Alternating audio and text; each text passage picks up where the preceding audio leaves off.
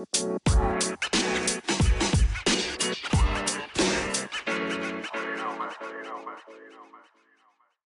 Sobat Dengerin, kembali lagi di Dengerin Seva, podcastnya anak rantau. Aku ucapkan selamat pagi, selamat siang, selamat sore, serta selamat malam untuk teman-teman semua di mana pun berada. Gimana nih kabar kalian di rumah? Semoga sehat-sehat aja ya. Di episode kali ini aku ditemani sama TJ loh. Halo TJ. Halo Aura. gimana nih kabarnya? Gue alhamdulillah baik. Aura lu gimana kabarnya? Baik nggak? Alhamdulillah baik. Sekarang lagi sibuk apa nih, J? gue gue belum sibuk ngapa-ngapain gue masih sibuk liburan udah masuk kuliah belum sih gue uh, kuliah belum sih gue bulan depan masuknya tanggal 5 Oktober Walah, masih hmm. lama lah ya masih masih lama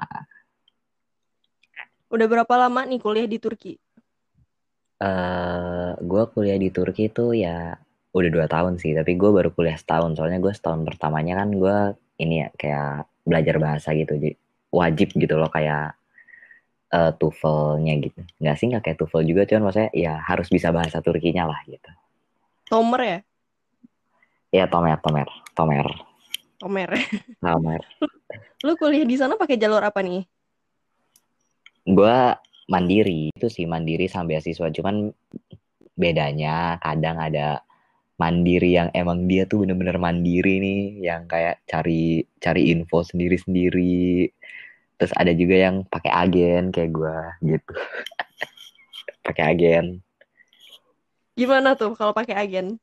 Agen ya. Nah uh, eh, gue jelasin dulu nih kan ada perbedaan tuh yang bener-bener mandiri banget yang kayak uh, ada kan yang orang tuh ah gue pengen keluar negeri nih gitu tapi ya udah gitu gue akhirnya cari-cari info Pokoknya infonya tuh yang kita cari-cari sendiri, pendaftarannya kita ngurusin sendiri, yang benar-benar kayak urus berkasnya tuh kita dari A sampai Z tuh yang kayak oh kita benar-benar sendiri dah. Sama ada yang pakai agen. Nah kalau pakai agen ya bedanya ya lu udah datang ke agennya, agennya udah menyediakan kayak bu kalau misal uh, ibu bapak kalau anak yang mau kuliah di sini ini loh yang dibutuhkan berkasnya ini ya bapak tinggal kasih ke saya nanti saya apply ke sana dan kalau keterima bayar udah gitu doang. Nah gue saat itu karena emang kebetulan nih kakak kelas gue ada yang make ada yang make agen itu dan dia ngerekomen ya udah makanya akhirnya gue pakailah agen itu gitu. Pakai agen. Berarti berarti enak ya tinggal ngasih berkas-berkasnya gitu aja ke dia? Iya sebenarnya eh, jatuhnya emang gimana ya kalau pakai agen tuh emang jatuhnya sebenarnya lebih enak banget sih parah parah banget jadi kayak ini kan kayak dark side-nya aja. Dia tuh kan mereka kan udah kayak punya MOU gitu loh sama kampus. Bahasanya mereka udah punya udah punya bangku lah, udah punya jatah sendiri gitu sama kampus. Jadi kayak lebih ya lebih lebih mudah aja lalu di, bener-bener dipermudah gitu udah dari kayak masalah berkasnya terus kayak penerimaan dan lain-lain gitu. Ini uh, kalau di Turki ya berlaku untuk yang menggunakan berkas aja ya, bukan yang kayak tes tulis atau tes, ya pokoknya ada tes tulis dan matematika dan lain-lain lah gitu. Kalau pembayarannya sama aja kayak mandiri yang tanpa agen? Oh jauh lah jauh jauh banget. Uh, pas zaman gue sih jauh tapi masih masih kayak di batas wajar lah ya. Kayak pas gue itu gue itu ke Turki itu tuh pas gue udah keterima pokoknya gue udah keterima dan gue bayar tiket segala macam itu tuh uh, visa itu habisnya tuh gue 30 juta. Tuh kayak masuk kampus 30 juta tuh masih standar tinggal sih? Atau bisa dibilang murah standar lah ya. Standar lah. Nah tapi kalau kalau misalkan emang lu pakai kalau lu yang sendiri itu yang benar-benar sendiri ya paling-paling 20 juta lah. Karena kan lu mahalnya lu beli tiket terus visanya lu urus sendiri. Berkas-berkasnya kan sebenarnya pendaftaran kan gratis ya. Kayak gitu sih. Nah cuman ya namanya bisnis kan ya pasti kan berkembang. Jadi kayak uh, terakhir sih yang gue denger agen yang gue pakai itu sekarang harganya udah kayak mencapai 40 sampai 50 juta Hmm, universitasnya mereka yang tentuin atau gimana? Enggak, kalau Enggak, jadi kita bisa milih gitu, univnya kita mau yang mana. Oke. Uh-uh. Kalau beasiswa sih, ya semua orang udah tahu ya beasiswa. Eh, tapi uh, sumpah beasiswa Turki Buslari itu ITB itu enak banget sumpah kalau lu dapet. Karena Tapi sebelumnya udah nyoba beasiswa atau emang dari awal pengen pakai agen? uh, gue awalnya nggak tahu malah kalau ada beasiswanya. Tahu sih, tapi gue kayak kurang nyari tahu gitu nanti. Gue cuma tahu oh ada nih, tapi gue soalnya gue gini kan gue kan orangnya emang gimana ya nggak terlalu akademik banget kan ya anaknya. Dan gue tuh nggak mau kalau misalkan gue emang ternyata gue ikut beasiswa, terus gue tuh harus tertekan banget sama belajar gitu. Paham, paham. Karena kan Pengennya juga pengennya juga yang ini ya, yang Ya. simpel-simpel aja gitu kan ya. Hmm, soalnya kan anak beasiswa tuh kayak eh misalkan kita nggak boleh masuk kelas eh berapa puluh jam gitu. Nah, tapi mereka tuh misalkan kalau kita nggak boleh masuk kelas 35 jam. Tapi kalau anak beasiswa eh nggak boleh masuknya cuma 20 jam gitu. Jadi kayak bener-bener di press gitu loh. Terus kayak kan nilai lu harus stabil kayak gitu loh. Kayak Kayak apa ya? Kayak ada iya. kayak merasa tertekan gitu juga nggak sih? soalnya soalnya dia bener-bener kayak gini kalau beasiswa yang Turki Buslari itu ya. Eh lu dikasih tempat tinggal nih. Tempat tinggalnya yang satu apartemen gitu cuman dua berdua gitu. Jadi emang eksklusif banget gitu kan ya. Apalagi kan kalau lu cewek gitu kan ya. Kalau cewek tuh kamarnya sendiri-sendiri. Gila cuman apartemen cuman kamar sendiri-sendiri kan maksudnya kayak enak banget gitu ya. Nah terus habis itu eh, makan disediain tuh kan sama sama sama Turki. Terus eh, asrama itu kan mereka tinggal di asrama tapi kan kayak apartemen ya. Terus eh, tiket pesawat uang jajan. Pokoknya bener-bener lu dateng itu tuh emang lu pokoknya dateng cuma belajar doang udah gitu. Loh Kalau agen sendiri gimana untuk tempat tinggalnya deh? kalau agen kan ini ya kayak tempat tinggalnya gitu dia ya lebih leluasa. Lebih leluasa lah gitu kayak buat milih apartemennya. Ini apartemen ya bukan kos-kosan gitu apartemen. Jadi ya apartemen tuh ya ya kayak lupa ada tau lah apartemen kayak gimana. Jadi bebas aja sih kayak gue di rumah apartemen gue itu satu apartemen tuh gue tinggalnya berlima. Bayarnya biar lebih murah juga sih kan sharing Iya sih. juga kan gitu Kalau sistem pembelajaran di sana gimana sih, Cek? Apa sama aja kayak Indo?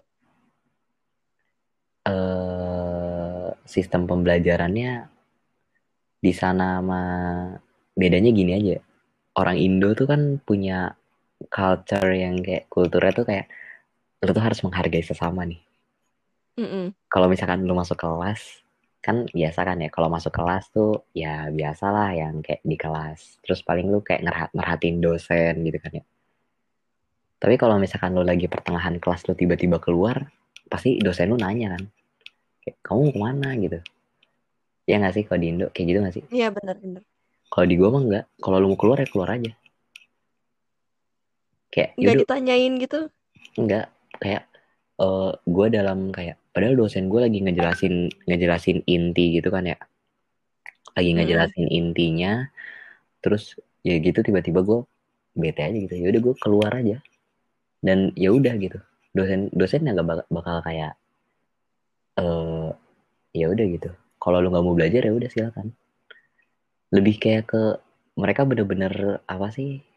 Kayak apa sih namanya? One way ya? Bukan one way sih. Kayak ya pokoknya kayak pokoknya dosennya tuh kayak menyampaikan gini gini gini gini gini gini gini gini gini gini gitu muridnya mahasiswanya mau dengerin silahkan enggak juga silahkan gitu Berarti itu termasuk juga kabur itu boleh ya? Maksudnya kayak terserah lo mau ngapain gitu kan ya?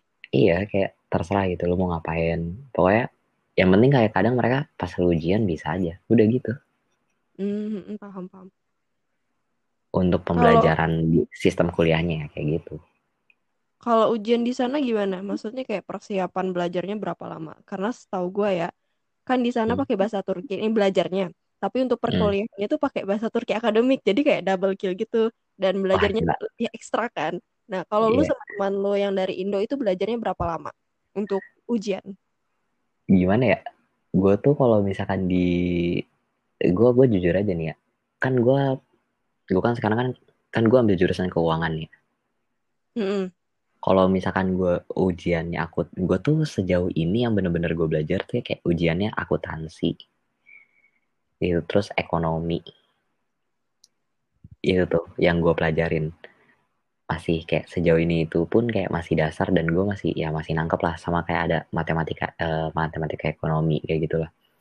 Karena eh, jadi dosen gue itu tuh menjelaskan walaupun gue kadang nggak ngerti ya apa yang dia omongin tapi gue tuh bisa ngebaca angkanya dia gitu maksudnya dia nulis ini tuh gue bisa baca dari angkanya Mm-mm. Ya, Kayak- paham, ya misalkan kan kayak pendapatannya sekian habis itu dikurang ini sama ini gitu kan ya dan semacamnya lah pokoknya kayak gitu kan tanpa sebenarnya tanpa dosen gue ngomong kan gue bisa nangkep gitu kan ya. maksudnya tuh si dosen ini ngejelasin ini loh gitu Mm-mm. Nah, tapi kalau yang udah berbau kayak gue tuh ada pelajaran sosial politik, terus hukum, terus hukumnya juga kebagi-bagi tuh kayak, ma- makanya kan gue gue juga bingung. Kan gue keuangan ya, tapi pelajaran hukum gue tuh banyak banget. Ada hukum perdagangan, terus kayak hukum pokoknya hukum terus ada RU kayak RUU-nya Turki gitu, terus gue tuh kayak wah gila itu lu kalau maksudnya gue kadang nanya sama orang Turki aja kayak lu sebenarnya ngerti gak sih? Kata dia eh gue aja orang Turki tuh nggak ngerti. Kata dia gitu kayak.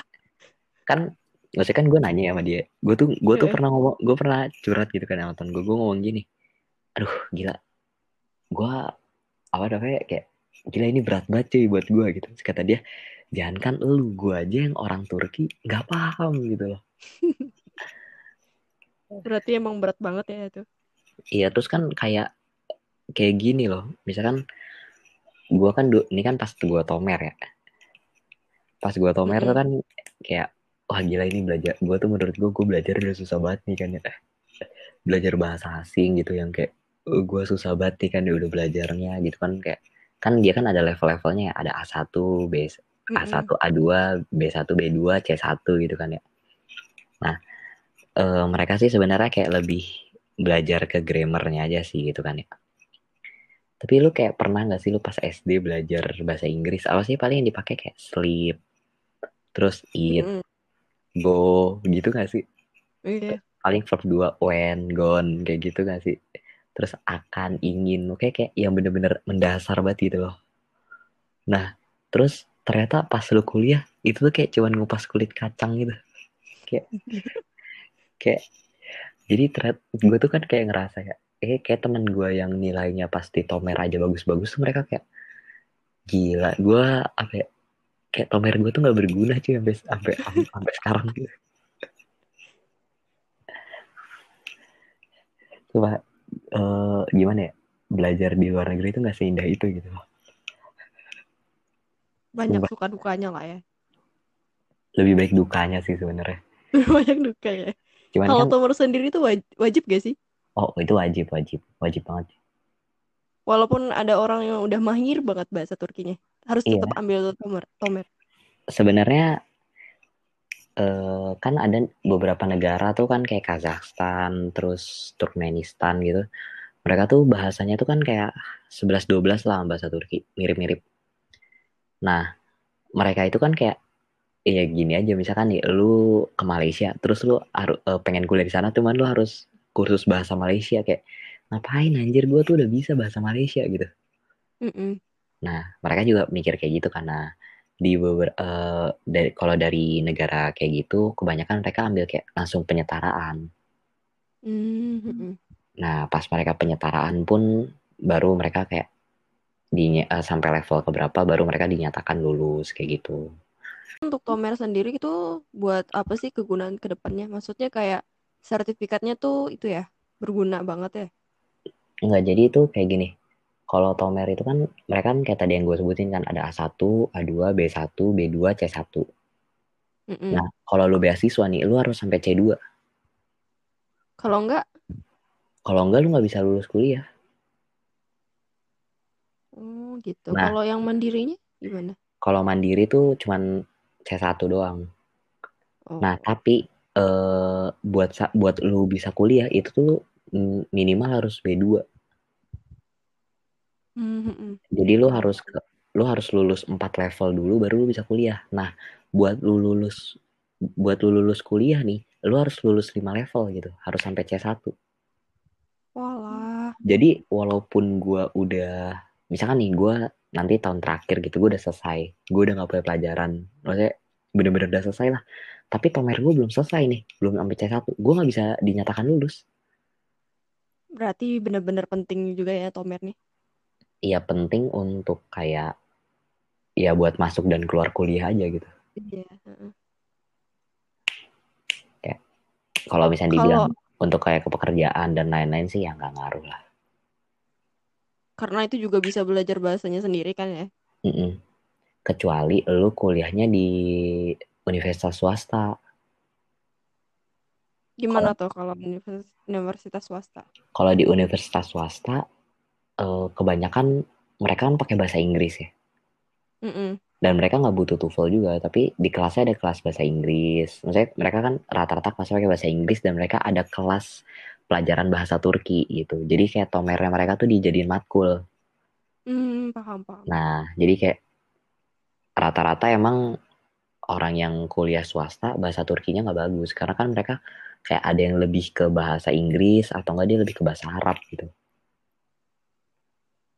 Tapi kalau di kuliah lo itu emang semuanya pakai bahasa Turki ya, nggak ada pakai bahasa Inggris gitu. Eh kalau di di universitas di Turki ya semua yang negeri universitas negeri PTN Turki nih PTN PTN Turki eh itu tuh semuanya pakai bahasa Turki wajib. Palingan ada nih kayak kelas yang bisa lu ambil pakai bahasa Inggris tapi paling itu cuma tiga matkul doang. Alah, paham paham. kayak dan itu lu kayak harus eh, tes bahasa Inggris dulu gitu. Yang lo alami selama kuliah di sana apa aja? Mungkin bahasa atau tugas atau teman atau apalah. eh ini gue juga ngambil kayak permasalahan dari teman-teman gue juga sih ya. Hmm, Jadi apa-apa. Kalau gue tuh orangnya kan lebih kayak ya ekstrovert lah ya, kayak lebih gue tuh orangnya senang bergaul gitu. Jadi menurut gue kalau gue tuh di kelas masalah gue nggak punya teman, gue enggak sih. Gue di kelas malah gue punya, maksudnya sekelas gue tuh semua pada kenal gue gitu. Hmm, hmm, hmm. Jadi Mau gue maupun orang Turkinya gitu. justru justru tuh gue di kelas gue, gue cuman satu o- eh, orang asing, Wah, gila. bukan bukan orang Indonesia ya, tapi orang asing. Jadi emang gue tuh bener-bener sendiri gitu. Cuman eh, gue pas gini gue pas pertama kali gue masuk kan ya, gila lu gue gue kan pertama kali masuk ya, gue kayak eh, aduh gue nggak punya teman. Gue tuh sebenarnya eh, di fakultas gue itu eh di jurusan gue nih, di jurusan gue itu orang asingnya tuh cuma ada tiga sebenarnya. Nah karena kan kurang ini ya sebenarnya kurang apa sih namanya? Eh apa sih bahasanya? Kayak common gitu loh kalau buat orang luar negeri. Kayak ngapain sih lu jauh-jauh ke luar negeri? Justru cuma jauh- belajar keuangan gitu. Emang di negara lu nggak ada? Mereka kadang suka nanya kayak gitu loh. Hmm, eh apa namanya? Jadi di di jurusan gue tuh pas gue tahun pertama nih ya itu tuh cuma ada tiga orang asing dua Indo satu lagi orang Kazakhstan. Nah temen gue nih yang orang Indo dia tuh sama orang Kazakhstan itu satu kelas. Dan gue sendirian. Dia dia Gila. dia kelas B dan gue kelas A gitu. Jadi pas nah gue kayak ceritain jadi gue kan baru datang ke kampus. Dan gue hari pertama tuh gue telat. Hari-hari pertama loh. Ini hari pertama. Hari pertama gue telat. Terus gue gue kan gue kan panik ya. Gi- gimana sih gue gitu kan sendiri gitu. Terus gue kan kayak ngeliat HP gitu kan ya, aduh gue kelasnya yang mana ya gitu. Terus eh pokoknya udah gitu gue ngeliat nih di papan tulisnya gitu kan ya. Kayak di billboardnya gitu kan ya. Gue lihat-lihat nah terus ada satu orang nih. Gue dia lagi ngeliat-ngeliat juga billboard lagi ngeliat billboard itu. Terus gue tanya kan sama dia. Gue gua cewek gitu. Terus gue tanya eh kalau kelas ini segini ini di mana ya? gitu. Terus, terus dia nanya lu jurusan apa? Terus kata dia eh kata gue gini gue keuangan. Eh lu sekelas berarti sama gue ayo kita jalan bareng aja. Akhirnya hari pertama itu gue langsung jalan sama temen gue itu. Gue langsung jalan terus gue tapi kan namanya telat kan ya. Ya udah akhirnya tuh gue bener-bener duduknya paling depan terus gue paling pojok dan gue tuh sendiri. Dan pas gue masuk tuh orang-orang semua langsung ngeliatin gue Malu banget. kayak gini gini. Di antara semua orang yang beras gitu loh. Kayak mereka kan Mm-mm. orangnya kan putih terus gede. Ya pokoknya ya muka-muka Eropa gitu lah eh Mm-mm. nyempil nih satu anak Cina gitu kan. Udah udah mak pendek. Terus sipit lagi kan ya Telat lagi ya. telat lagi kan ya katanya ini anak dari mana sih? gitu kan. Terus gue tuh duduk di depan akhirnya sendirian. Dan sumpah ya jadi anak. Maksudnya gimana sih anak yang satu-satunya orang asing di kelas itu tuh itu bener-bener dinotis sama dosennya sumpah. Jadi kayak sering ditunjuk gitu. itu yang gue takut sumpah. Soalnya paling beda sendiri. soalnya beda sendiri. Sumpah gue tuh paling takut sebenarnya bukan pas pelajaran. Karena kalau pas pelajaran kan dosen jarang nanya ya. Mm-mm. paling nanyanya kayak lu udah pada ngerti belum? gitu. Nah tapi kalau misal pengenalan lu tuh pasti dinotis gitu loh. Gila sih. bener-bener dinotis gitu. Dan gue tuh udah sendiri kan ya. Terus si dosen gue tuh langsung ngeliat gue gitu loh. Terus dia nanya dari mana kamu? Gitu. Gue kan kayak gue gue tuh ya gue orang Indonesia. Oke kayak perkenalannya gitu kan biasa. Tapi pas gue perkenalan semua orang tuh langsung pada kayak seret gitu loh. Ngeliatin gue aja kayak Ih, gila siapa sih ini? Gitu kayak anak saya kan mereka kan ya apalagi apalagi orang Turki ya enggak sih sebenarnya kan kayak kalau lu kuliah kan rata-rata kan orang kan pada punya geng ya bergerombol-gerombol gitu. Iya. gila lu mereka hari pertama udah gerombol-gerombol dan gue sendirian coba. Gila gak lu gue kayak aduh gila gue stres banget tuh. Hari pertama sumpah gue tuh stres banget. Tapi ke depannya udah gampang lah ya. ya gue pertama cuman punya teman itu doang satu nah cuman lama-lama kan gue gue kan juga capek ya duduknya depan mulu gitu gue tuh males kalau duduk di depan kan ya jadi ya akhirnya gue pindah lah ke belakang gitu kan akhirnya gue pindah lah ke belakang dan ya di belakang tuh pasti banyak dong orang-orang yang males Iya. Bener. rata-rata tuh kalau di kampus lu pasti anak-anak yang kayak yang gayanya males selengean gitu mereka tuh pasti lebih cepat ber- iya mereka tuh- dan mereka tuh lebih cepat berteman kan dibandingkan kayak orang-orang yang kerja belajar gitu Bener sih. Ya kan nah gue duduklah sama mereka gitu tapi gue dan teman gue tuh waktu itu udah kakak kating gue lah dia tuh udah ngomong gini orang Turki tuh harus lu yang duluan nyapa baru mereka baru terbuka gitu open sama lu Hmm, mm, mm. Paham, akhirnya Jadi kalau mereka nggak di notice duluan bakalan diem-diem aja gitu ya. mm-mm. dan ya udah akhirnya gue nyapa mereka gitu kan udah dan sekarang sampai sekarang gue ya udah gitu berteman aja sama mereka gitu. Awalnya mereka doang nih. Lama-lama abis itu gue pindah tempat lagi. Gue kenalan nih gitu. Tapi sejauh ini teman gue cowok semua. Eh lebih banyak cowok gitu. Gue punya teman beberapa cewek tapi ya beberapa doang. Soalnya kan kalau cewek gue juga misalnya kan bingung ya gue mau ngobrol apa gitu kan. Kan kalau sama cowok kan ya lebih mudah lah gitu kan ya. Jadi Iya. Mm. jadi sampai akhirnya kayak eh temen gue itu yang dia sekelasnya berdua sama orang asing juga sekarang temennya banyakan gue Wah, Jadi- tes. jadi pas gue gue masuk kelas nih ya teman-teman gue udah pada tahu gitu kayak kan eh apalagi pas kemarin ya zaman zaman corona. Orang Turki tuh kayak menyamaratakan oh orang Asia tuh pokoknya bawa corona nih gitu. Cina gitu kan ya. Ya tapi karena mereka udah kenal gue gitu jadi pas gue masuk kelas aja mereka kayak ya biasa aja gitu kayak duduk terus ngerangkul gue kayak ngobrol gitu Mm-mm. kayak terus ya kadang-kadang mereka bercanda gitu sama gue kayak ya bercanda juga yang kayak mereka gue pernah dibercandain kayak dia nanya bapak lu masih hidup gak sih? Bapak lu masih hidup gak sih? Terus gue bilang ya masih hidup lah goblok gitu. Tapi mereka juga wah ketawa-tawa gitu. Kayak di Indo iya kayak ya udah gitu. Terus pas nilai gue jelek gitu kan ya terus mereka kayak ngomong ya udah nggak apa-apa sih gitu gue tahu kok bahasa Turki itu susah kata dia gitu. Gue juga tak gue tahu kok. Dimaklumi. iya gue juga maklum kok kalau lu susah gitu nggak apa-apa gitu. Gue juga kesusahan gitu. Jadi ya terus kayak eh, ada yang kayak dia nawarin kayak Hanif lu kalau kesusahan ini aja chat gue aja gitu. Lu tanya-tanya aja sama gue gue pasti bantuin gitu. Ya jadi terus gue juga akhirnya kayak punya beberapa temen yang kalau misalnya gue kesusahan ngerjain tugas atau kayak mau ujian terus kayak nanya pelajaran gitu ya gue nanya sama dia gitu. Mhm. dan tapi ada juga temen gue yang dia sih sebenarnya gue nggak tahu dia malas atau kayak lebih kayak ke introvert gitu. Dia juga sama kasusnya kayak gue di kelas tuh sendirian Sampai Eh, sekarang juga masih sendirian. dan iya dan jatuhnya dia kayak gini. Dia tuh kan sendirian ya. Terus namanya orang asing sendirian beda sendiri pasti di notice dong. Mhm. nah dia tuh kayak nggak kuat gitu di notice kayak ih gue kok kayak dikucilin gitu sih sama teman-teman gue ya. Akhirnya dia sampai dia aja nggak masuk grup kelas jarang masuk ham, bukan bukan jarang nggak pernah masuk kelas. Gila sih. karena dia nggak punya temen satu kan gini ya eh lu kan hidup di negara orang terus lu di satu kelas gitu kan ya. Pasti kayak lu sekarang aja gitu lu punya grup kelas grup angkatan. Kalau ada info masuk pasti masuk ke grup kelas lu gitu kan ya. Mhm. nah temen gue tuh nggak masuk grup kelas jadi dia mau dapat info dari mana coba? Dan sedangkan dia sendirian kan nggak punya temen yang sejurusan sama dia. Iya sih. jadi kayak dia mau dapat info dari mana gitu.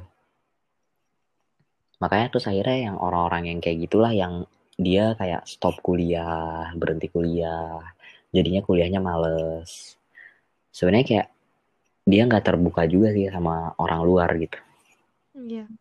Dari awal juga udah itu kayak gitu. Jadinya susah ke depannya kan. Heeh, kayak pas awal-awal ya, ya mental lu aja sih gitu Mhm. makanya kayak gue gue sebenarnya belajar di Turki tuh susah banget gila susah tapi kalau dikata kayak lu mau berhenti nggak lu mau keluar nggak gue nggak mau soalnya ya gue enjoy enjoy aja gitu Teman-temannya juga kan ya. iya gue punya temen juga kayak gitu Kalau biaya kuliah di sana berapaan sih, Ci? eh lu kuliah lu ngekos nggak sih Ra? apa lu PP Ngekos. oh paling biaya kuliah gue sama kosan lu juga mahalan kosan lu Gimana gimana? iya Mahalan gua. uang UKT gue eh UKT ya kalau di sini ya UKT per semester gue apa pokoknya uang semester gue paling lebih murah dibandingkan kosan lu Berarti murah banget dong. orang gue Ya murah-murah gitulah. gue sekarang eh, uang kampus gue tuh 800 ribu per semester per semester ya per semester per Oh. semester Mm. 800 ribu per semester Ada kita nge-mention tentang itu ya. Tentang anak yang introvert itu. Hmm. Nah, itu kan berkaitan dengan adaptasi. Menurut lo sendiri adaptasi, tips adaptasi buat calon-calon ini nih, mahasiswa yang mau kuliah di sana apa aja nih kira-kira? kata gue sih lebih terbuka terus kalau misalkan emang lu pada bisa jangan tinggal sama orang Indo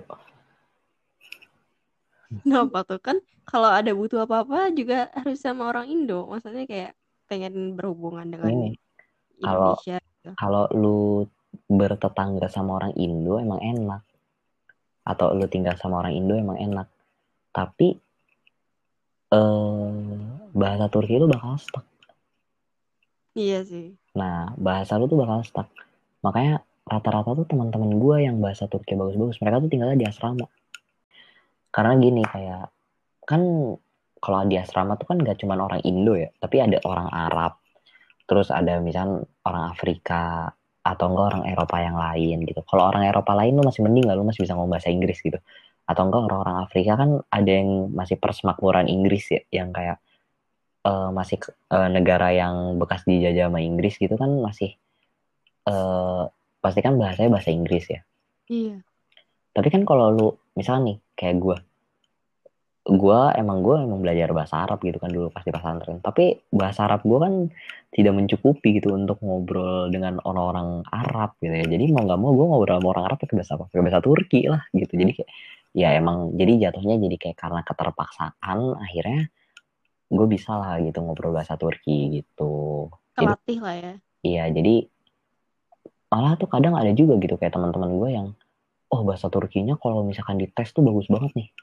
Grammarnya, nulisnya. Tapi pas disuruh ngomong diem gitu ada juga tapi ada juga kan kayak orang yang pintar yang ngomong tapi pas disuruh nger- nger- ngerjain grammar eh ternyata grammar jelek gitu Iya sih. ya no one's perfect lah cuman maksudnya bisa diminimalisir gitu kan Mm-mm. kalau lu dengan kayak ditanya kayak lebih eh, buat kayak beradaptasi gitu. Makanya kayak teman-teman gue itu yang pinter yang kebanyakan ya yang pinter bahasa Turkinya satu itu yang eh dia tinggal di asrama atau enggak dia deket sama orang-orang Turki atau enggak dia punya pacar orang Turki. Udah itu apalagi yang punya pacar orang Turki pasti bagus dong bahasa Turki harus bagus. Kalau enggak kalau misalnya dia berantem sama pacarnya gitu mau ngomong apa dia? Kalau bahasa Turki cuma ao ao doang. Ya kita aja yang misalnya kayak sama teman atau sama pacar orang I- yang sesama orang Indo aja. Kadang udah berantem tetap eh berantem pakai bahasa Indo aja kayak nggak masuk masuk gitu kan. Kayak maksud lo apaan sih? kayak gitu. Apal- apalagi ini yang udah pakai beda bahasa gitu kan ya. Jadi pasti ya pasti bahasa Turki bagus-bagus tuh rata-rata kayak gitu. Kalau culture shock yang mostly dialami lo sama teman-teman lo pas awal-awal tinggal di sana apa tuh kira-kira? Oh. oh ini nih ini nih, nih, gue tahu nih gue tahu gue tahu. Ini ini gampang banget nih. Nih. Misalkan kan kita sholat. Kalau di Indo nih kita sholat. Habis habis imam ngomong walat dolin pasti kan kita udah ngomong amin. Ya kan? Iya. Kalau di, di Turki itu nggak ada cuy. Jadi kalau misalkan kalau misalkan lu misalkan habis imamnya ngomong walat dolin terus lu amin ah pasti orang Indo pasti pasti lu orang Indo terus lu masih baru di sini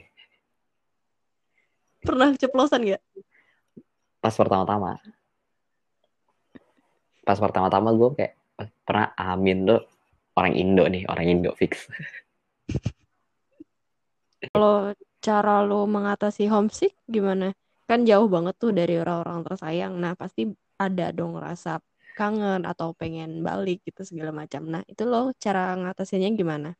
kalau jauh dari orang-orang tersayang cari sayang yang baru. Iya iya. Enggak enggak bercanda bercanda bercanda bercanda bercanda bercanda.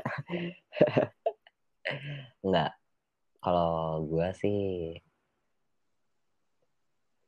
yang lebih kerasa masalah homesick tuh hmm, makanan sih. Oh iya makanan. Makanannya parah banget. Soalnya lu kalau udah di luar negeri lu kerasa makanan Indo tuh enak banget sumpah nggak ada obat Terus gimana cara itu ngobatinnya?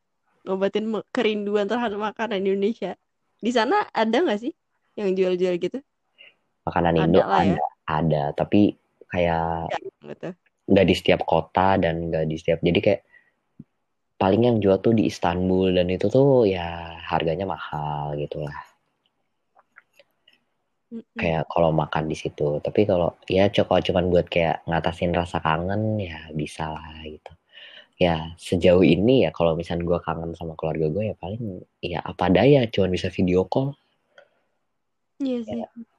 kalau misalnya soalnya kayak gue pulang nih ke Indo itu tuh nggak akan bisa gue kayak seenak gue kalau gue kuliah di Malaysia atau di mana di Singapura misalkan karena ya tiketnya aja gue sekali PP tuh bisa 9 sampai 10 juta gitu loh Iya sih. Jadi Gitu. nggak bisa seenak-enakannya lah ya. Iya, jadi nggak bisa seenak-enaknya dan kalau gue sakit ya gue harus ngurus sendiri gitu kayak gue tuh seneng gue tuh kenapa emang dari dulu pengen kuliah jauh tuh biar gue tuh lebih bisa ngurusin diri gue aja sih sendiri. Ya biar lebih mandiri lah ya. Iya karena eh gue tuh pemikirannya kenapa gue pengen kuliah di luar negeri dari dulu? Bukan karena wah kuliah di luar negeri keren ya gitu. Enggak tapi karena gue tuh nggak pengen aja gitu kalau kuliah umpamanya nih kayak gue kuliahnya di Malang misalnya. Terus gue sakit. Terus mama terus tiba-tiba kalau gue sakitnya parah gitu. Tiba-tiba emak gue udah beli tiket pergi ke Malang atau enggak bokap sama nyokap gue langsung naik mobilan ke Malang gitu. Atau enggak kalau sakit ya gue disuruh gue dibeliin tiket buat gue pulang gitu gue tuh nggak mau kayak gitu Mm-mm. kayak gue tuh pengennya ya udah gitu gue kayak eh jauh dan gue struggling sendiri gitu Nggak mau repotin orang lain lah ya. Iya, terus ya pasti jatuhnya linknya lebih banyak juga sih itu. Iya sih. Yang kenapa gue tuh kekeh banget gitu gue pengen kuliah di luar negeri bukan karena kuliah di luar negeri murah ya.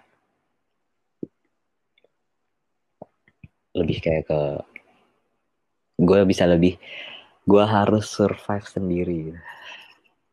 Iya. Kalau suka duka tinggal di Turki apa? Sukanya gue apa ya? Sukanya apa ya? Karena sebenarnya yang lebih karena lu sukanya karena teman-teman lu di sana kayak lebih gimana ya temen lu tuh di sana tuh nggak bakal banyak banget kayak lu di Indo gitu pasti sedikit. Ya sebanyak sebanyak banyaknya paling lu satu kota paling kan di luar kota lu punyanya satu dua orang temen lah gitu nggak akan baik-baik banget. Suka-sukanya apa ya? Ya lu bisa jalan-jalan aja gue jujur aja ya, sukanya ya lu bisa jalan-jalan aja gitu kayak ke tempat yang kayak misalnya semua orang nih lu kemarin ada berita kayak wah Hagia Sophia dijadikan masjid gitu kayak lu pada bisa nonton dari TV gitu. Ya gue bisa aja gitu gue ke sana sholat gitu. Gue kayak kayak semua orang kayak oh Hagia Sophia gini gini gini gini. Gue setiap minggu kalau gue pengen bolak balik bisa aja gitu. Seru ya, ya. ya paling ya suka dukanya gitu aja sih kayak sukanya tuh ya karena gue bisa jalan-jalan ya dukanya karena ya pasti ya gue jauh dari orang tua terus kayak gue sih ngerasa kayak pengalaman ini gue bukan pengalaman gue eh, pengalaman hidup ya tapi kayak pengalaman gue belajar di perkuliahan itu nggak semenarik kayak gue kuliah di Indo gitu Iya sih. kalau lu gitu. ya kalau lu ng- ngelihat gue kayak wah enak banget nih anak ini jalan-jalan atau kayak kerja jalan-jalan mulu gitu atau kayak eh, kuliahnya tuh kayak oh kayaknya seru banget ya kuliah di luar negeri gitu. Kuliah di luar negeri itu nggak semenarik itu cuy. Kayak kuliah di luar negeri itu tuh bener-bener monoton. Kayak gimana eh, yang ngebuat itu nggak monoton tuh ya lu sendiri gitu. Sedangkan kalau lu kuliah di Indonesia lu bisa aja monoton bisa. Tapi kan peluang buat lu monoton tuh lebih kecil gitu dibandingkan kayak Iya. gua gua nggak ikut organisasi A, gua nggak ikut kepanitiaan A, kepanitiaan A gitu. Atau enggak gue punya ekskul ekskul yang kayak umpamanya gue ikut basket atau gue ikut fotografi atau gue apa apalah gitu. Panjat tebing misalkan atau banyak lah gitu. Sedangkan kalau di gue tuh sebenarnya gue nggak bilang itu nggak ada ya tapi lebih susah aja gitu buat nge-reach ke situnya gitu Kalau masalah makanan di sana gimana? Lo cocok nggak? eh Tapi gimana tuh? Nah ya untuk masalah makanan sih sebenarnya masih masuk ke lidah-lidah orang-orang Indo tapi jadi mereka tuh emang lebih kayak gini loh. Jadi tapi kalau masalah makan ya mereka makannya banyak eh mereka tuh makannya lebih kayak bener-bener empat sehat lima sempurna dan makannya cukup gitu. Mm-mm. kan kalau orang Indo makan oh sampai gue kenyang nih. Ya kan? Iya. Jadi, per- jadi tuh gue pernah di kelas Tomer kan. Kan kalau di kelas Tomer eh sebenarnya kelas Tomer tuh seru loh. Karena dulu nih pas gue di kelas Tomer tuh ya bahasa yang dipakai tuh di kelas gue ada ada mm, ada kan Turki nih pasti kan ya. Mm-mm. terus Rusia. Terus bahasa Arab Inggris sama orang sama Campur-campur ya? Iya, sama orang sama bahasa Indo karena gini, kalau Inggris tuh kan kayak kita buat ngobrol misalnya kayak gue buat orang yang belum kenal kan gue ngomongnya pakai bahasa Inggris. Mm-mm. Tapi ada juga tuh orang yang benar-benar gak bisa bahasa Inggris. Ya kan? Tapi itu Iya. jarang lah. Tapi kita lebih sering kayak kan gue bisa ngomong bahasa Inggris dan maksudnya orang-orang tuh ya rata-rata mahasiswa bisa ngomong bahasa Inggris lah gitu kan ya. Nah, ya kita ngomong bahasa Inggris itu kayak buat bahasa umumnya. Terus kalau kita lagi belajar kita pakai bahasa Turki kan. Dan, tapi ini rata-rata di kelas eh, A1, A2 karena kan kita masih kelas-kelas dasar ya. Bahasa Turkinya belum nangkep banget gitu lah. Nah, orang Arab kalau ngobrol sama orang-orang Arab lainnya gitu, negara persemakmuran Arab lah, pokoknya Arab dan jajaran-jajarannya, mereka pasti ngomongnya pakai bahasa Arab kan, nggak mau dong ngomongnya bahasa Turki. Iya. Nah, kita orang-orang Indo kalau ngomong sama sama sama orang-orang lain, sama orang Indo lain pasti pakai bahasa Indo ya kan. Nah, dan di sana juga banyak tuh mahasiswa Rusia, Rusia, Kazakhstan, Turkmenistan, terus itu mereka tuh pokoknya belakangan tan-tan itu mereka tuh ngomong semua pada pakai bahasa Rusia. Jadi bahasa Rusia tuh sering di gue denger gitu di kelas gue pakai bahasa Rusia. Jadi seru lah ya karena yeah. macam-macam gitu. Iya, yeah. dan jelas dong pasti kan culture-nya beda-beda ya. Mm -mm. Dan pernah tuh dosen gue nanya kayak gini. Sarapan kalian apa sih gitu kalau di negara-negara kalian masing-masing gitu. Karena di Turki tuh bener-bener sarapannya telur nih. Telur, kentang goreng, roti, keju, timun, tomat, zaitun, sama ada satu kayak gorengannya gitulah. Sama yogurt, susu. Ayah itu kurang 4 sehat 5 sempurna apa coba? Protein, iya protein ada, karbonnya dari roti, terus kayak ada seratnya juga, timun, zaitun, tomat. Terus uh, ada yogurtnya juga, ada susu. Nah, itu kan kayak empat sehat lima sempurna dan mereka tuh sebenarnya kayak kalau gue liat emang kenyang ya makan makan kayak gitu gitu loh. Tapi mereka tuh cukup gitu. Dan pas mereka nanya sama orang Indo sarapannya apa? Nasi sama ayam. Mereka tuh kayak kaget. Wah, gila lu sarapan lu nasi sama ayam itu tuh udah berat banget kan ya. Terus kadang mereka ada, maksudnya kadang kita ngomong gini, sarapannya mie. Mereka bingung, makin bingung lagi. Hmm. Ini apa Indomie? Iya Indomie kayak gila lu maksudnya kita nggak mungkin gitu loh sarapan itu gitu tapi kita kenyang-kenyang aja gitu kan ya? Ya kan karena kita kan yang penting kenyang gitu kan. Kalau mereka tuh makannya dijaga gitu jadi pernah itu iya dan mereka tuh kayak makanannya tuh kayak lebih nggak bergaram mericanya mereka tuh garamnya sedikit mericanya sedikit nggak pakai MSG jadi emang sehat dan rasanya hambar. Jadi kalau misalnya di kampus gua tuh, oh by the way di, di kampus gua tuh makannya murah banget ya. Dapat nasi. Nasi kan, nasi. Terus cream soup itu tuh pasti, cream soup. Terus lauknya tuh bisa milih, mau daging atau mau ayam. Lima ribu sampai tujuh ribu dapat segitu? Iya, itu Gila. tuh ayamnya tuh kalau ayamnya yang paha kecil gitu, eh? itu tuh itu tuh kita bisa dapat dua. Wah, atau enggak satu, satu dada gede kalau enggak paha yang dari paha bawah sampai paha atas gitu loh. Mm nah kalau enggak eh, eh abis itu air tuh air kita ngambil sepuasnya. Terus buat dessertnya tuh ada kalau nggak buah yogurt eh, manisan. Terus buat makan krim sup kan biasa pakai roti ya. Nah rotinya itu kayak kita mau ngambil sepuasnya sampai gomoh juga. Boleh gitu. Wah, seru banget. Ya, tapi lu itu kan kayak wah gila, kayaknya enak banget ya gitu. -gitu. Hmm. Tapi kalau itu semua makanannya hambar, lu bakal kayak Iya sih. Jadi iya. pas jadi pas kita ngambil itu semua, nanti ada satu meja khusus gitu, itu tuh ada kayak di situ ada lemon juice, itu tuh kayak buat lu biar tambah asam, terus ada kayak pokoknya lu nanti ngeracik sendiri lah, ada merica, ada garam, ada oregano, ada kayak bubuk cabe, pokoknya kayak tambahan-tambahan inilah uh, bumbu buat buat biar makan lu tuh ber, lebih berbumbu gitu kalau lu suka bumbu gitu. Dan orang Turki itu nggak makan pedes. Jadi pas dia ngelihat orang Indo yang bisa makan cabe sebanyak yang oh pokoknya banyak gitu kan ya. Saat uh, menurut mereka tuh kayak makan cabe sedikit aja tuh mereka udah kepedesan gitu. Apalagi yang kalau mereka ngelihat kita yang bisa makan sampai lima gitu atau kalau misalnya pakai iya kalau pakai cabai bubuk tuh yang apalagi mereka cabai bubuknya nggak pedes kan ya. Yang kayak orang Indo tuh kok pakai cabai bubuk sampai kayak wah gila banyak mampus gitu loh. Mereka tuh kaget bener-bener kaget gitu. Sediain kayak kayak bumbu-bumbu gitu. Iya.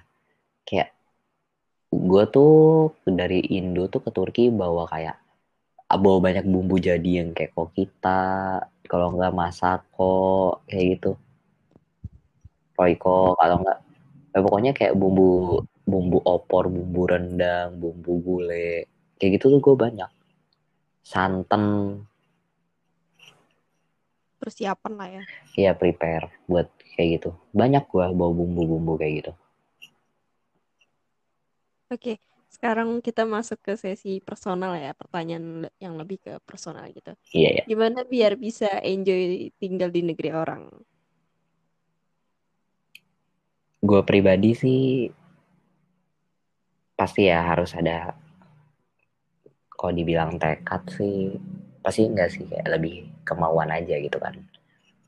Nah yang ngebuat lu enjoy itu menurut gue kalau lu udah menemukan sesuatu hal yang ini berlaku di semua tempat ya.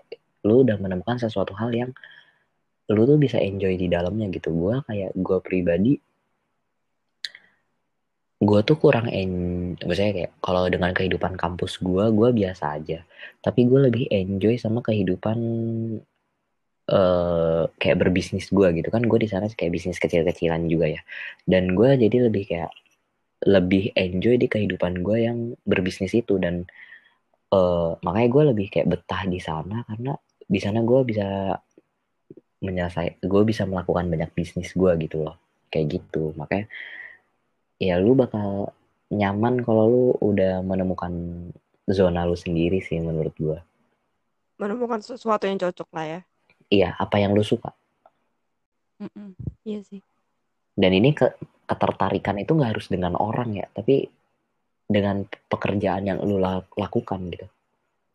Karena kalau cuman karena ketertarikan karena sama orang doang dan akhirnya lu bisa betah kalau orangnya pergi dan lu nggak betah lagi gitu gitu sih Perbedaan paling kerasa di dalam diri lo sebelum dan setelah kuliah di luar negeri. karena gue itu personal karena gue itu bener-bener sih gue gue tuh beda banget kayak lu kalau ngeliat gue di Turki lu bakal ngeliat gue seperti ini dan kalau lu lihat gue di Indo lu bakal ngeliat gue seperti ini gitu nah eh gue itu tuh selama di Indo tuh jadi orang yang kayak bener-bener nyantai terus kerjanya main-main kayak gue seneng-seneng aja dan gue kayak orang yang gak berplanning. Ini gue ya gue di Indo tuh kayak lebih yang gue kerjanya emang hura-hura gitu dan lain-lain. Sedangkan eh, saat terus kayak di Indo tuh gue lebih kayak pemalas dan kayak serba enak lah gitu kayak eh, gue nggak bilang gue orang kaya tapi maksudnya gue kayak eh, kebutuhan gue tuh sangat terpenuhi gitu di di sini sedangkan saat gue di Turki gue tuh harus kayak lebih berplanning jangka panjang. Kalau lu ngeliat gue di Turki tuh ya gue bakal jadi orang gue tuh orang yang lebih giat bekerja. Dan gue tuh berplanning jangka panjang gue berplanning juga dan gue bisa mengurus diri gue sendiri. Dan gue ya gue kalau dibilang males gue jauh lebih males di Indo gitu. Dan walaupun gue hura-hura tapi gue berpendapatan. Jadi kayak lu nggak melihat gue dari sisi gue hura-hura gitu. Mm-mm. itu sih. Karena gue pribadi gue beranggapan gue di Indo tuh gue liburan. Jadi kayak gue bener-bener gak mau diganggu sama kayak eh penat-penat gue yang ada di Turki gitu. Makanya gue kayak di Indo tuh bener-bener kayak bermain gitu kerjanya kayak nongkrong dan lain-lain. Karena gue saat di Turki itu eh jarang lah punya waktu nongkrong gitu. Menurut gue menurut gue kalau gue di Turki tuh itu waktu gue lebih produktif dibandingkan gue di Indo. Kenapa sih harus kuliah di Turki? Kenapa tuh? kenapa harus kuliah di Turki? Mm-mm. Gue tuh pas SMA ya. Karena gue tuh pas SMA tuh gue nggak tahu gitu kan gue mau kuliah di mana ya gitu kan. Terus pas gue mulai kelas 11 gitu gue kayak mikir ah gue pengen kuliah di luar negeri nih gitu. Tapi gue nggak tahu di mana kan ya. Gue nyari-nyari tuh kan Jerman. Ada Jerman Perancis Australia. Terus Singapura Malaysia kan Nah, gue tuh nggak kepikiran sama sekali Turki gitu. Nah, sampai kenapa ya gue tuh pengen kuliah di luar negeri? Karena ya yang gue tuh ini pemikiran simpel gue aja tuh tadi kayak gini, Ra.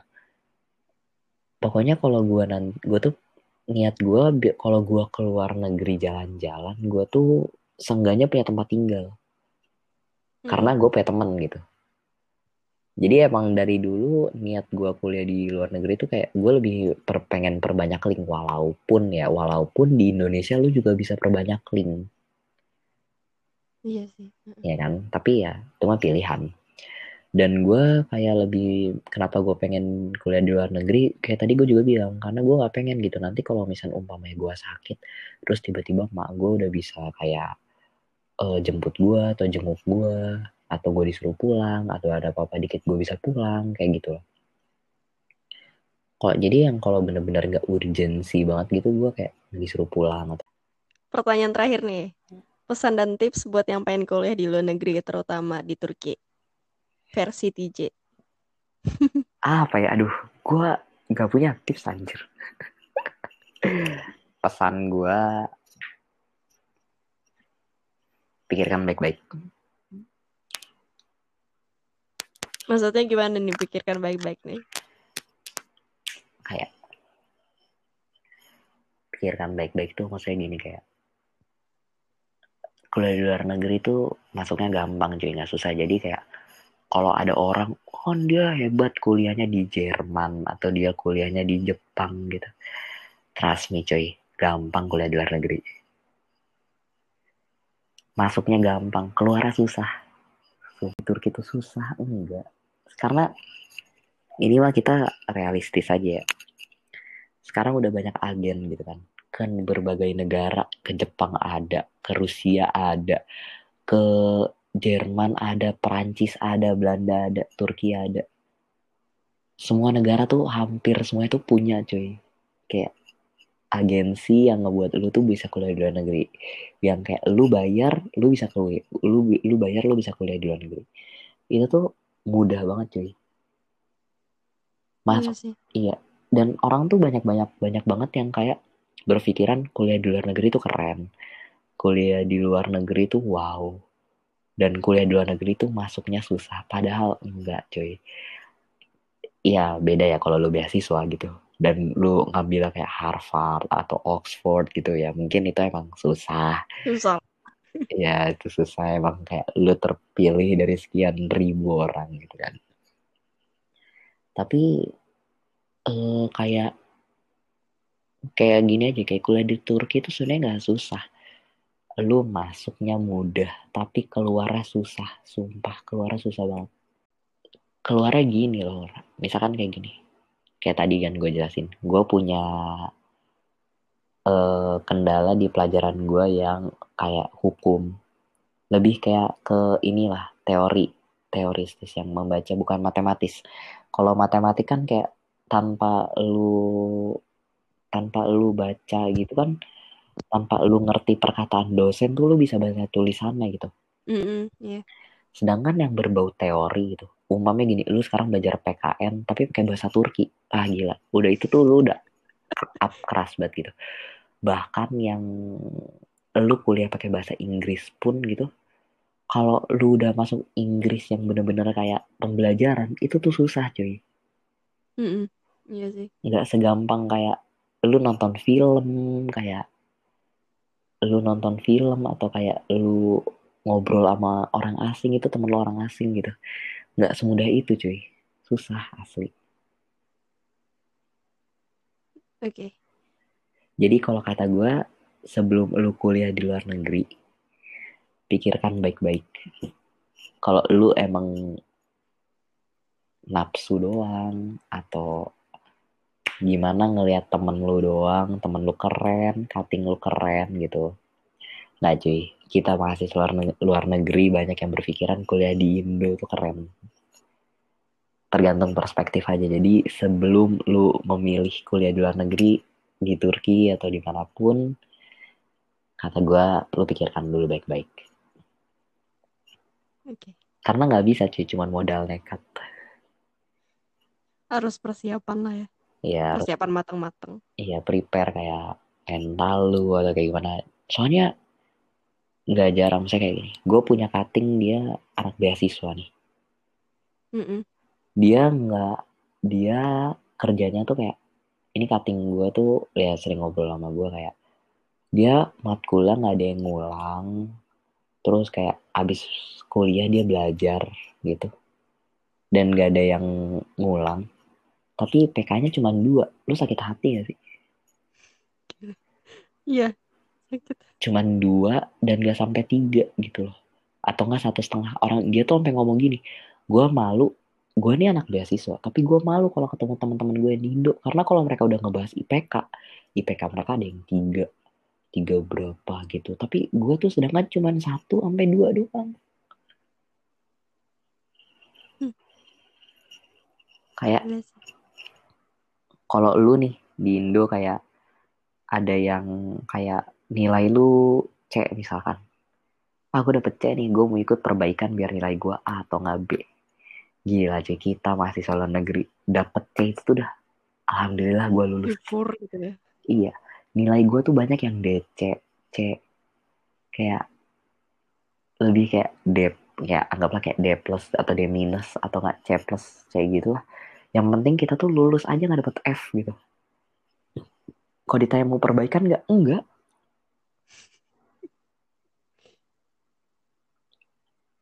Gila sih. Struggle banget lah.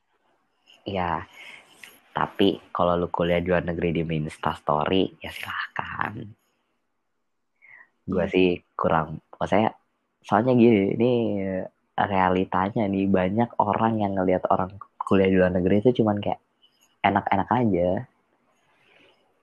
Mm-mm. nggak semudah itu Kurang mikirin ini duka yang tinggal di Turki kayak gimana. iya kan nggak mungkin juga gitu kan kita nangis-nangis terus kita atau enggak kita kesusahan gitu terus kita upload gitu. Iya sih. kan kayak kurang aja gitu kecuali lu close friend misalkan. Tapi kan kayak ya pasti banyak lah orang yang kayak dia tuh kayak sedih atau apa kuliah di luar negeri tapi kayak eh ya nggak diceritain aja. Banyak loh teman-teman gue yang kayak mereka tuh kayak capek gitu. Akhirnya nggak selesai kuliahnya cuman satu dua semester nyerah satu dua semester nyerah. Atau enggak mereka emang udah kayak ikut universitas terbuka juga kayak UT gitu. Biar dia Hmm. jadi kayak mereka tuh jaga-jaga. Jadi kayak kalau gue nanti di Turki nggak lulus gue udah punya gelar juga nih. Oke. kuliah dua Iya sih. gitu. Jadi tips dari gue nah sih bukan tips ya lebih kayak kesaran dari gue kalau lu pengen kuliah di luar negeri di mana pun itu kecuali lu udah man, ini mantep banget kayak biasa kan ke Arab tuh. Kalau ke Arab mah udah beda cerita lah. Jadi kalau misalnya kayak lu pengen kuliah di luar negeri yang kayak lebih kayak Jerman, Turki gitu yang seenggaknya negaranya nggak pakai bahasa Inggris. Diperhitungkan lagi, di, dipikirkan lagi matang-matang. Orang yang kuliah di luar orang-orang yang kuliah di luar negeri nggak selalu lebih sukses daripada yang kuliah di Indo kok. Iya sih. Dari gue sering jalan-jalan. Nih kalau lu udah kuliah di luar negeri, tipsnya atau nggak lu pengen kuliah di luar negeri dan lu udah mentok banget nih lu pengen kuliah di luar negeri, lu sering jalan-jalan aja, sering ke pasar, sering belanja. Kayak hedon banget ya, tapi itu yang bakal ngebuat lu berinteraksi sama warga sekitar. Iya sih. Dan itu yang- Bahasanya lebih kelatih lah ya. Iya, dan itulah yang bakal ngebuat lu tuh lebih kayak terlatih lah di situ.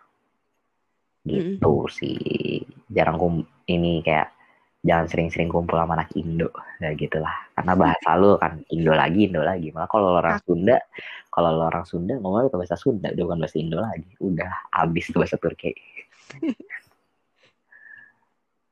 Oke, Gitu. makasih banyak ya TJ untuk hari ini. Ya, sama-sama. Semoga teman-teman makin semangat tuh kuliah di luar negeri. Kalau teman-teman masih ingin bertanya atau kebingungan bisa hubungi TJ di IG-nya yaitu apa aja? At Hanif TTJ. Oke. Oke, sampai jumpa di episode selanjutnya.